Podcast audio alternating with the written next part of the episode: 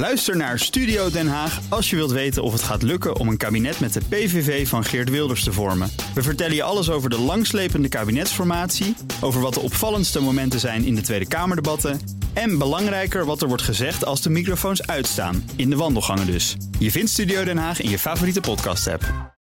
De column van Jaap Jansen.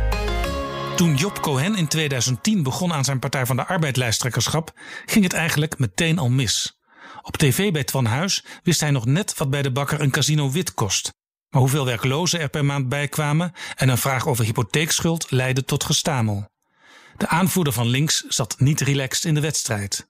Toch scheelde het bij de uitslag minder dan 1% Of de Partij van de Arbeid had die verkiezingen gewonnen en Mark Rutte was nu niet al tien jaar premier.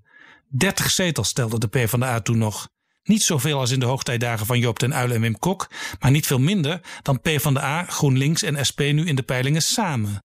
Van een grote PvdA is al vier jaar geen sprake meer. Logisch dat de drie linkse partijen vorig jaar met veel fanfare nauwere samenwerking aankondigden. In de praktijk gaat het moeizaam. Bij de Europese verkiezingen hoopte de SP te scoren met een op de man gespeeld filmpje tegen PvdA-lijsttrekker Frans Timmermans. Volgens de SP het volgevreten zinnenbeeld van de Brusselse elite.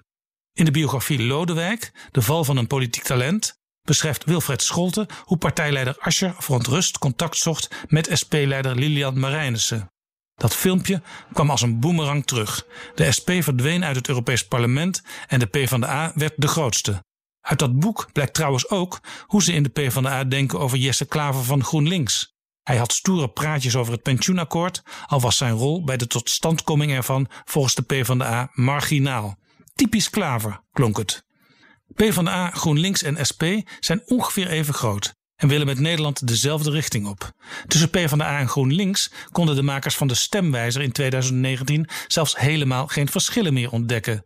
Toch beloven ze de kiezers slechts om niet als enige linkse partij met rechts te gaan regeren. Een gezamenlijk programma zit er niet in. De PvdA vierde deze week haar 75ste verjaardag. Dat is een felicitatie waard. Ze heeft een mooie toekomst achter zich. Het is de vraag of de kiezers die partij voor 17 maart nog terugvinden. De nieuwe lijsttrekker Lilian Ploemen heeft een laag ambitieniveau. De PvdA, zei ze onlangs, wil terechtkomen in de dubbele cijfers. Met negen zetels nu duidt dat niet op groot zelfvertrouwen. Verder weten we nog niet zoveel van haar als nieuwe leider. Nou ja, één ding wel. Ze is de dochter van de melkboer, vertelt ze graag. Dat heeft in elk geval één voordeel. Ze kent de prijs van een pak melk.